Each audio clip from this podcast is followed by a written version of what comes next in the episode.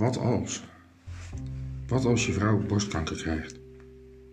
Dat ze een jaar lang keihard vecht en dat ze dan na een zwaar jaar schoonverklaard wordt. Dat ze het leven weer op gaat bouwen.